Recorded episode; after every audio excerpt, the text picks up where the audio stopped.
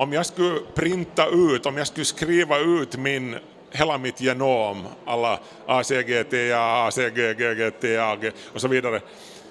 Så hur tjock lunta skulle jag få? Hur, hur tjock är livets bok i, för, i människans version? 10, 9, 8, ignition sequence start, 5, 4, 3, 2,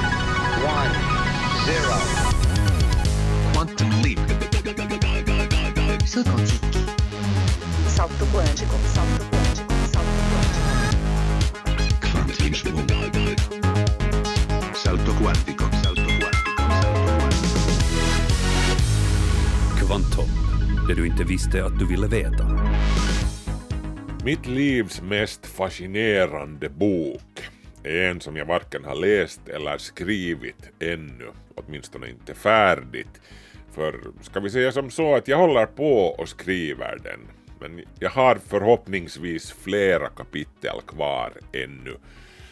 Jag talar förstås om livets stora bok, som levande varelser ju har skrivit i mer än tre miljarder år här på jorden.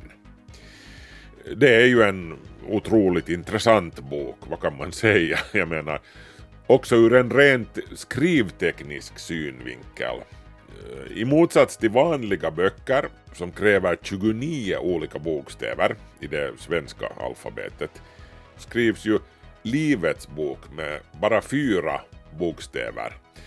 A som i adenin, G som i guanin, C som i cytosin och T som i tymin. De här är alltså de fyra kvävebaserna i DNA-molekylen som bestämmer uppbyggnaden av kroppens alla proteiner. Och med de här fyra bokstäverna kan du alltså skriva allt från en bananfluga till en kantarell till en känguru till, till dig och mig. Tidigare i höstas när jag fick frågan om vem jag skulle vilja bjuda som gäst till ett diskussionstillfälle på Svenska Yles scen på Helsingfors bokmässa då tänkte jag genast på Kvanthopps gamla kompis Cecilia Salgren som är professor i cellbiologi vid Åbo Akademi. Hon om någon är ju insatt i det här med Livets bok. Hon studerar den dagligen i sitt arbete.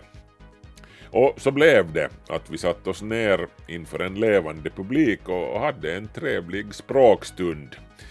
Den språkstunden ska ni få ta del av i dagens kvanthopp.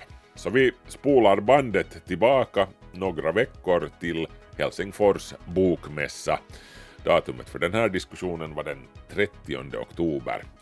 Jag heter Markus Rosenlund. Välkommen med till Kvanthopp.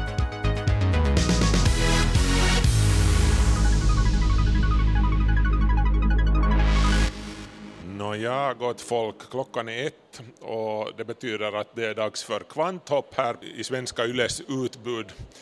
Det du inte visste att du ville veta. Och, och den här gången så ska det handla om Livets bok ur ett eller annat perspektiv. Med mig här på scenen har jag eh, the one, the only Cecilia Salgren, professor i, sätt på din mikrofon så, så hör du bättre, professor i cellbiologi vid Åbo uh, Akademi. Hej på dig! Hej på dig! Och roligt att du kunde komma hit. Roligt att vara här. Innan vi går börjar snacka, snacka det här hardcore stuff om, om forskning och, och cellbiologi och annat sånt här, så, uh, vad är ditt förhållande till till läsning överhuvudtaget? Läsning har varit en viktig del av mitt liv, hela mitt liv, alltså från barnböcker när jag var liten och har läst så, så mycket jag hinner och läser fortfarande och ganska brett, att ja. ingen specifik genre utan väldigt, väldigt brett. Ja, no, men numera sådär som hotshot-forskare och så här, vad, vad gör du mera? Läser du eller skriver du mera nu för tiden? Oj, det var en bra fråga. Det är nog säkert 50-50, för, för vi måste ju läsa också för att kunna ja. skriva, så det, det, är nog, nu skriver jag ju mycket också, men, men både läser och skriver. Jag skulle ja. säga ganska 50-50. Uh, du har titulerats bland annat som hur var det nu, drottningen av extern finansiering. Så, så jag kan tänka mig att en hel del av, det, av ditt skrivande är stipendieansökningar och, och liknande nu för tiden. Stipendieansökningar och, och artiklar, alltså vetenskapliga artiklar Ja. och, och li, några små insändare i, i det här nyheterna och, och i, det här, i ti- dagstidningarna när jag hinner. Ja.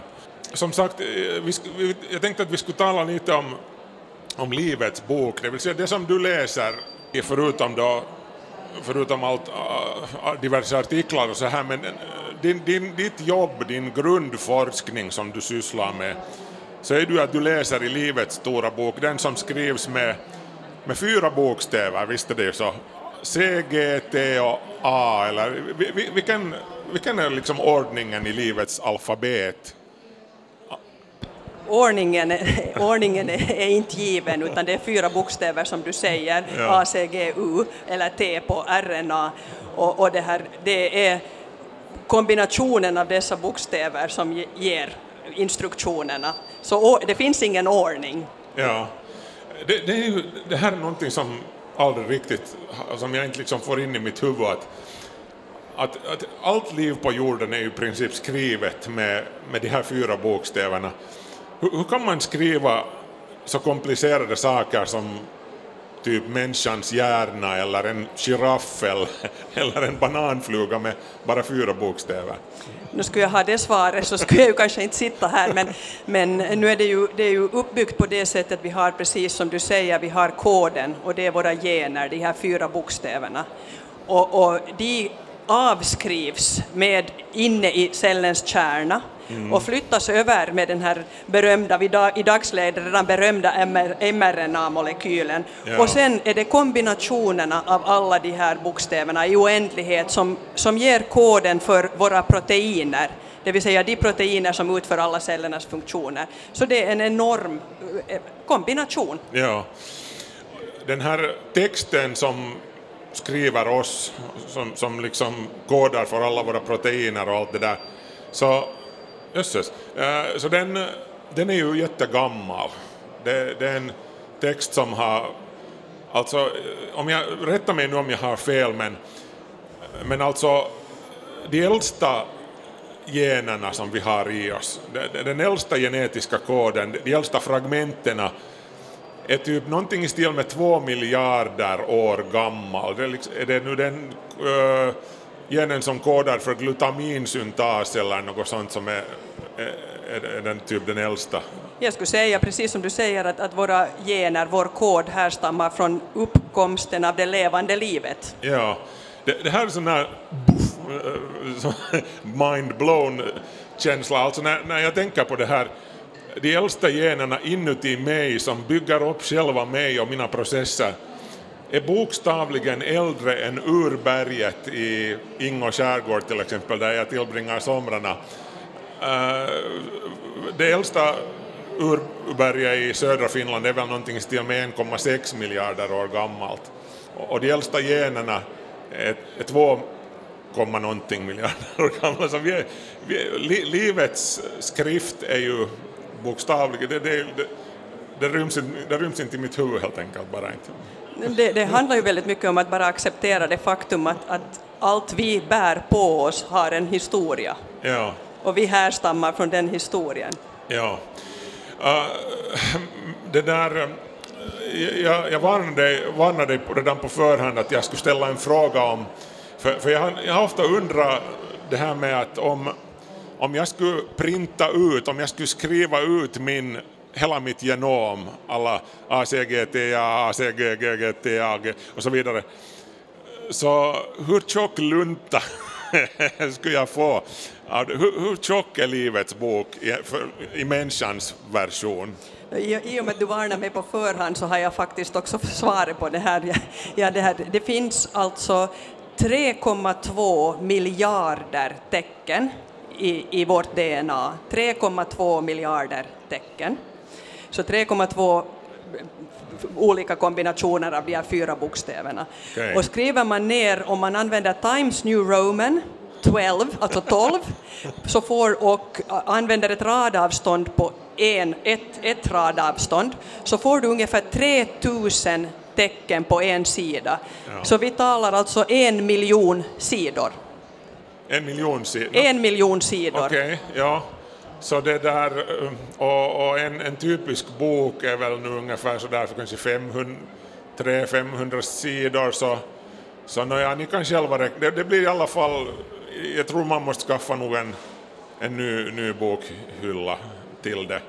Men ett annat sätt att ett annat sätt att illustrera det här, det här något, jag läste någonstans att om du skulle ta alla våra gener som vi har inuti oss, och, för de är ju i spiralform så här om du skulle ta ut varenda en gen från oss och, och knyta dem ända till ända, till ända så no, först och främst vi skulle ju dö, det är det första som skulle hända, men nej det var, det var en vits. Uh, men om du skulle knyta ihop alla våra gener så det skulle räcka typ till det var inte liksom bara en gång till månen och tillbaka utan det var, det var liksom flera gånger till månen och tillbaka. Så, så, är det. Sen finns det ju en annan liten sanning i det och, och, och det är det att av, av de här 3,2 miljarder tecken så är det bara 2 procent som kodar för de här proteinerna. Så 98 procent av alla ord vet vi inte ännu vad de gör och vad deras funktion är men de har garanterat en viktig funktion. Och det är en annan ganska det här mm, förvånande upptäckt. Så, så vi, vi, kallar, vi talar om kodande DNA som kodar för de här proteinerna som är de arbetarna i cellen, ja. men så har vi okodande DNA. Ja. Och mycket av det här man börjar mera och mera förstå att det här, är, de, det här okodande också har viktiga funktioner, ja. men det är mycket som man inte vet. Ja, förr, förr brukar man ju tala om junk-DNA, skräp-DNA, Eh, man utgick väl mer eller mindre från att, att en massa DNA bara ligger och skräpar där och gör ingenting, men är det liksom dagens uppfattning den att det gör nog någonting, vi vet inte bara liksom exakt vad det gör? Jo, mycket vet vi ju nog också. Eh, det finns, eh, det finns rester och det finns sånt som är liksom evolutionshistoria som inte kanske kodar, någonting har blivit kvar. Det finns också viktiga sekvenser som avgör tillgängligheten av det här maskineriet som kodar av. Så att de, den här, det är ju klart att om du har någonting inne i enskilda celler i vår kropp som kan, om man sträcker ut det så går det flera gånger av och an till månen, så det måste ju vara packat, packat, packat väldigt, väldigt, väldigt tätt. Ja.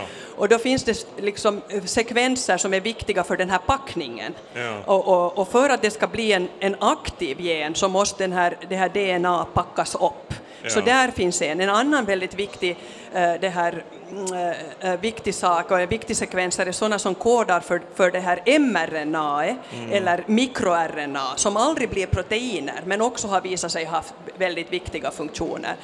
Så, så lite vet vi, men mycket, det finns mycket som vi inte vet. Ja. En annan sak som jag finner helt galet spännande med, med Livets bok som vi bär inom oss, så jag menar, visst, någon, någon skulle kanske kunna tänka att att liksom människans bok, min den här miljon, miljon, miljonsidors boken som, som kodar för mig, så, så, så den, den är liksom helt unik. No, Okej, okay, den är ju unik, men, men jag menar den är, att, att precis varenda en stavelse i den är, är, är, bara jag och bara människa liksom. Men, men det är ju ett faktum också att att eh, naturen är ju en hejare på att plagiera sig själv. så, så liksom den boken som skriver människan, så samma stycken, samma rader hittar du ju liksom i allt från bananer till, till bananflugor till giraffer till noshörningar etc. Är det, är det nu typ så att liksom ungefär hälften av, eller var det 70 procent hur mycket av våra gener är gemensamma med bananflugan det är, nog över, det är nog över 70 procent. Ja. Och det är ju till vår fördel förstås, för det, begör, det gör ju det möjligt för oss att studera modellsystem, så vi kan använda bananflugan som du säger, vi kan använda zebrafiskar, vi kan använda möss, för att förstå hur olika organ utvecklas eller mm. hur, vad som händer, vilka, vilka mutationer leder till sjukdom.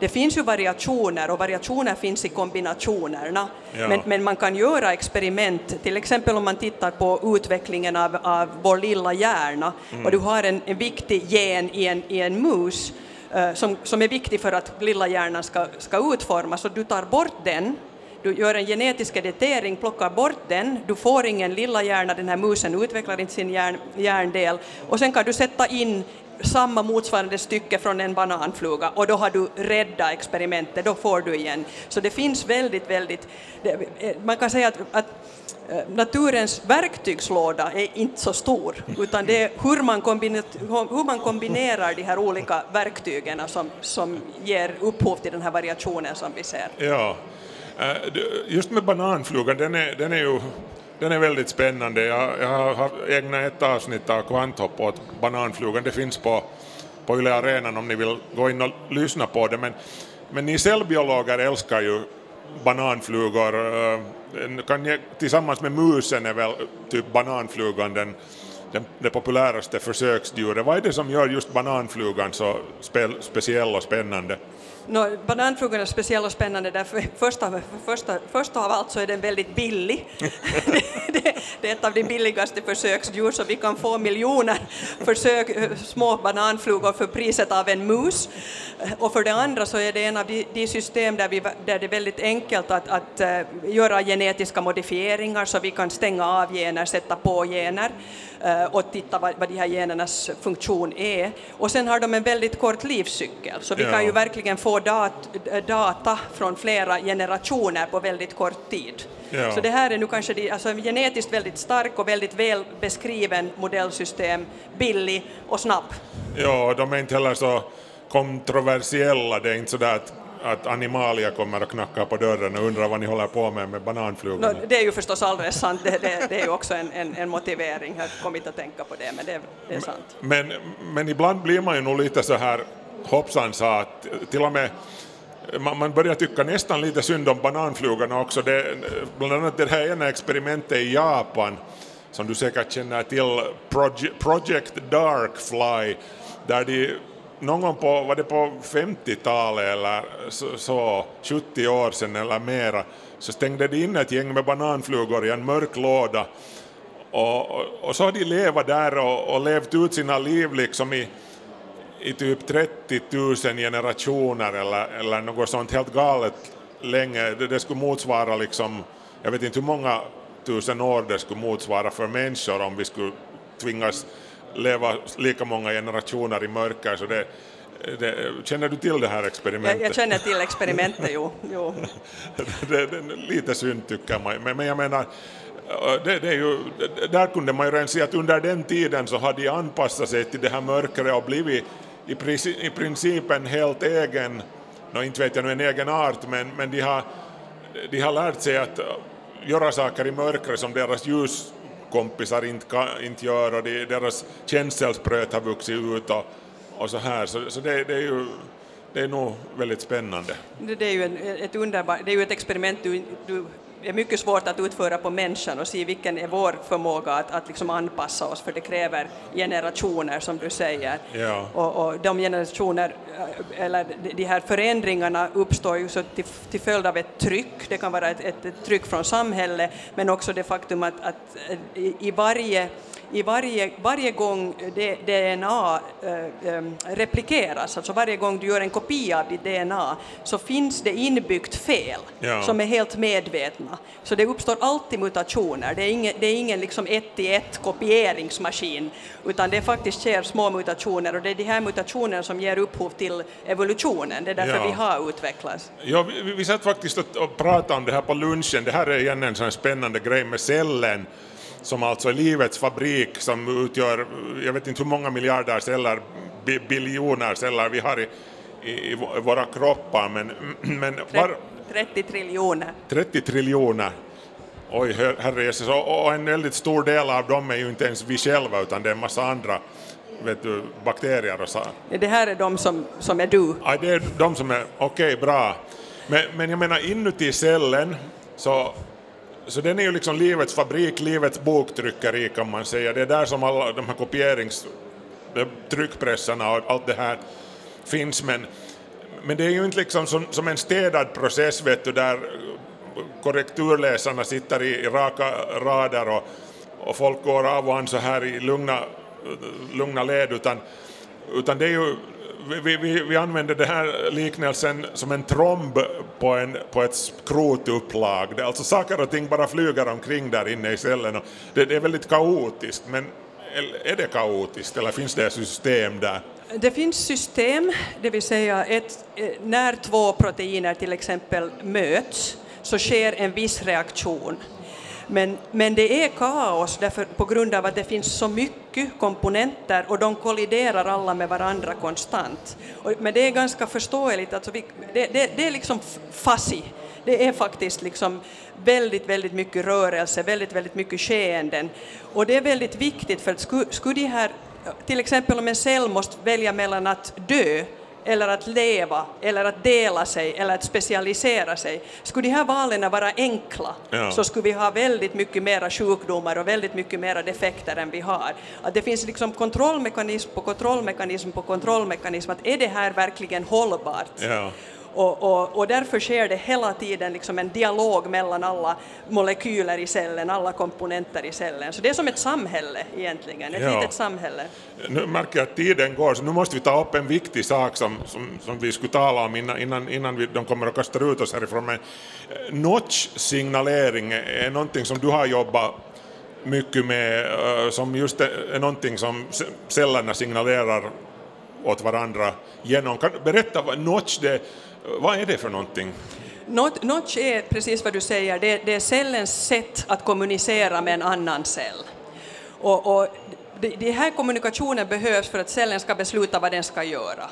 Så om, om, jag kan säga att om jag signalerar till dig med notch så berättar jag till dig vad du ska göra. Ja. Och den fungerar på två olika sätt. Antingen säger jag via notch att du gör samma sak som jag, eller så säger jag till dig via Notch att du gör en, någonting annat. Ja. Och det här gör att inom en, ett fält av celler, som vi har till exempel i ett organ, eh, eller i en vävnad, så får celler antingen samma funktion eller olika funktion. Alltså vi kallar det mönsterbildning. Du behöver mönster med olika funktioner i våra vävnader och våra organ. Så det är egentligen en kommunikationsmekanism. Okej, okay, men vad, vad, vad, vad händer i praktiken om när cellerna kommunicerar via notch, vad, vad, vad, bestämmer de? Är det liksom att eh, ska du, ha, du ska ha blåa ögon eller du ska ha randig päls eller prickig rygg eller vad, vad, vad liksom det, händer? Det bestämmer, eh, om, om vi tar enkla exempel som alla kan se, så det bestämmer till exempel just det eh, vilka färgkombinationer du kan se på ytan av en fisk, så att, ja. att du har liksom fläckar. Vissa, vissa, vissa fjäll blir då mörka och vissa blir ljusa, så det är någonting som, som, som Notch bestämmer. Mm. Vi kan också titta på här eh, känselspröten på, på den här bananflugan. Ja. Så de har alla känselspröten. Så hur många eh, känselspröt det finns på på huvudet och hur, hur stort avstånd det finns mellan dem. Alltså, blir alla celler känselspröt, då, då blir det ju en väldigt hårig fluga. Och, och har, blir, är det, är det, har inga celler känselspröt så blir det en skallig fluga. Så det här är någonting som, som till exempel Notch bestämmer. Skallig fluga. Men sen om, om vi går in i cell, alltså jag, jag är inte så intresserad av, av, av, av, flugans hår, utan jag är mer intresserad av, av hur vävnader uppstår och de här olika funktionerna i våra olika organ. Ja. Och där har vi, om vi går tillbaka till, till det här, mm, vår, vår hjärna, vårt nervsystem, så där bestämmer Notch hur, eh, om våra stamceller i vår hjärna ska förbli stamceller eller om de ska specialisera sig och bli nervceller. Så det här beslutet görs via eh, kommunikation via Notch. Ja, eh, Åbo Akademi har haft ett väldigt spännande projekt här på sistone som heter Avtryck i det okända, Forcing the Impossible. Ni kan bland annat söka upp på Yle Arenan, där finns ett helt kvanthopp där vi Cecilia är med där också och pratar om, om det här med konstnärer och, och forskare, hur de kan hjälpa varandra uh, att bli mera kreativa och, och så vidare. Och där, där ingick ju Notch eh, alltså också som ett centralt element, bland annat så Eh, det hade någonting att göra med ett hjärta, kan du förklara? Jo, det har att göra med det faktum att, att, att Noche kan ses som en hjärtats arkitekt. Så, så den här signaleringsmekanismen är otroligt viktig för att skapa vårt, vårt, våra, vårt hjärta och våra, vårt blodkärl. Och har man defekter eller mutationer i, i den här kommunikationen så, så har man väldigt allvarliga hjärt och kärlsjukdomar eller så dör man helt enkelt under embryonalstadiet. Och vi försöker förstå att kan vi genom att aktivera den här notch, den här kommunikationen, återskapa kommunikationen via notch på yttre väg, genom material, eh, eh, kan vi då liksom leka och återskapa organstrukturen som, som, eh, så att den är fungerande. Ja, så med hjälp av notch kan man leka ett brustet hjärta så där kombinerar ni liksom hela musikens samlade tema sen typ någonsin och litteraturen och, och medicinen och allt det. Det var ju ett jättespännande projekt. Vi hinner tyvärr inte nu gå desto mer in på, på det i detalj, men som sagt det finns eh, på, på Yle Arenan ett kvant, kvanthopp där ni kan höra mer om det. Uh, vår tid är snart slut här, men innan vi går det där vad är din veckoslutsläsning? Vad har, du på, vad har du på nattduksbordet just nu som du läser? På nattduksbordet just nu har jag faktiskt något så tråkigt som en artikel om hur man genom eh, det här äh, datorsimulering kan genom att simulera hur kommunikationen via notch sker, hur man kan få olika mönster. Så min, min fråga är att kan man genom en så här enkel enkel mekanism där man bara har egentligen två ord att välja på, att go or no go. Hur mycket olika mönster kan man skapa i ett fält av celler. Så ing, i, ingen, ingen högtravande litteratur det här veckoslutet. läser, du aldrig, läser du aldrig någonting där du på riktigt vill att nu, nu kopplar jag bort allt det här, vet du, Harlekin-noveller eller? No, jag läser nog inte Harlekin-noveller, det, det, det, det, gör jag inte, men jag läser väldigt mycket annat. Men just nu är jag i det här ingrodd på det här. Men, Så, ge, ge något tips ännu, liksom något skönlitterärt. Jag vågar inte i det här sammanhanget. No, men kom igen nu. Vad skulle jag läsa? Jag läser just för tillfället också nog faktiskt Niklas Natt och Dag. Hej! Wow! Det, det, det, ja, 1793 yes. eller 4, det har kommit en ny. Hemsk, ja. Hemska böcker men, men fascinerande och no, häftiga. Ja. beskriver människans, människans svarta, svarta inre. Ja. Uh, Cecilia Sahlgren, professor i cellbiologi Åbo Akademi, tack ska du ha för att du kom hit och, och det där, ha en trevlig fortsättning på veckoslutet. Tack, tack. Och ni också. Tack.